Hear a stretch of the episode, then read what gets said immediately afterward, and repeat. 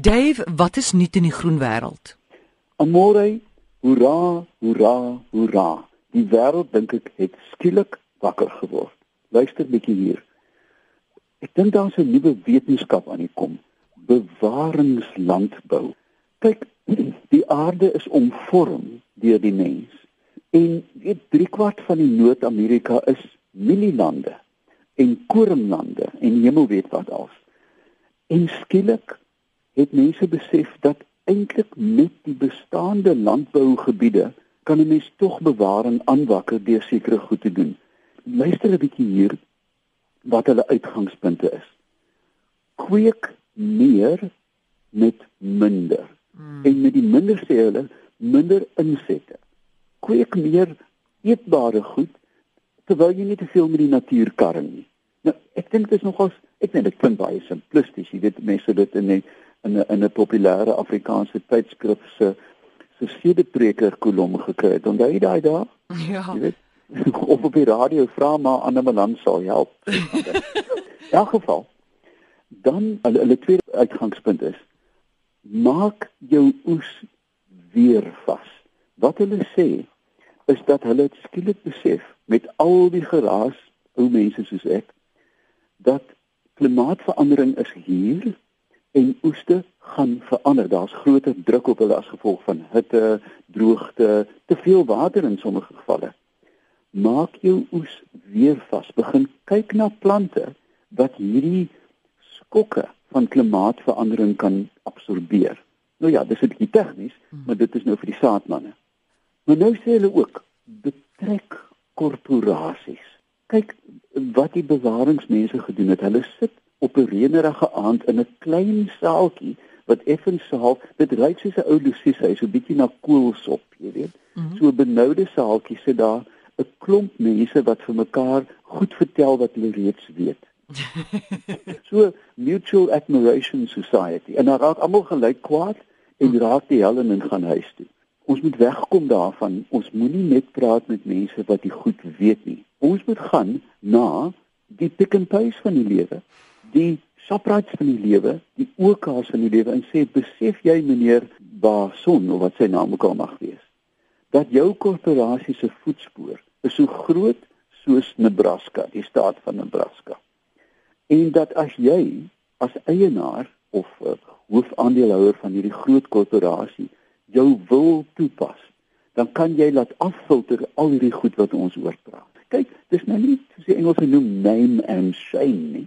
Maar ek dink ons moet 'n bietjie begin druk toepas op die groot manne. Weet jy Amore, daar is 'n 'n wonderbaarlike film beskikbaar op die internet. Food Incorporated, Food Inc. Jy, jy moet dit op 'n leë maag kyk want jy word na oor hoe diere behandel word, uh weet in in die groot korporasies. En dan besef mense dat die hele aarde word beheer deur nie meer as 20 korporasies, Nestlé, Coca-Cola ensovoorts. Groot manne. Stel 'n bietjie druk op hulle en sê julle voetspoor is 'n miljarde keer groter as myne. Nog 'n punt, deel kennis.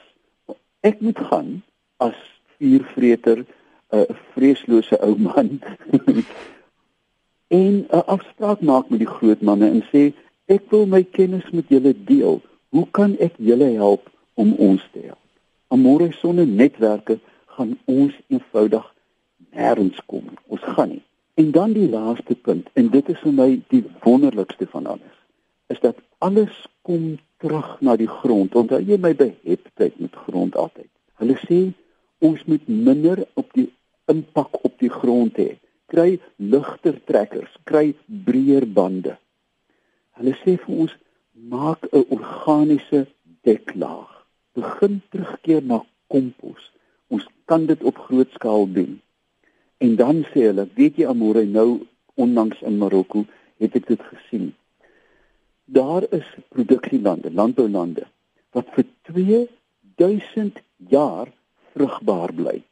En dan vra jy jouself, hoekom? En dan kom die ou Bybelse antwoord: rotasie.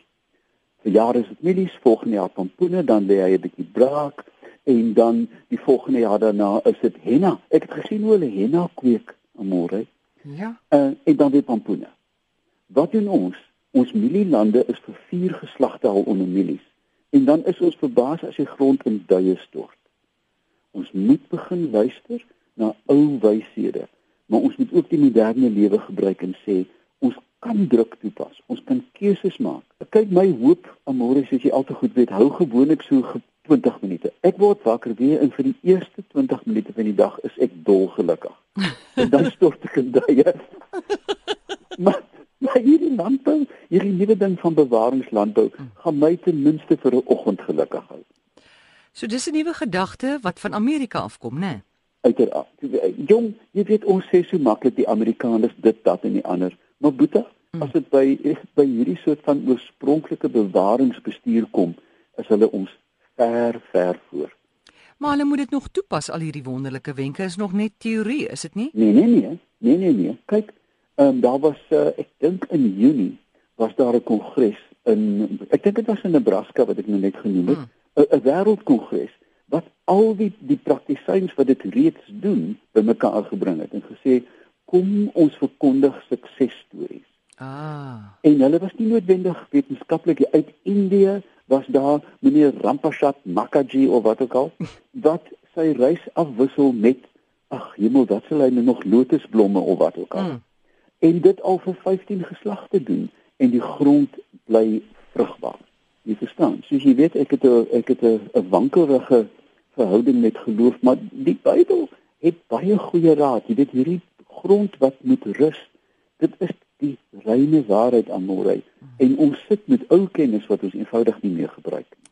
Nou as jy nie wankelrig voel oor Dave nie na al hierdie interessante stories, besoek gerus sy Facebookblad by Dave Peppler.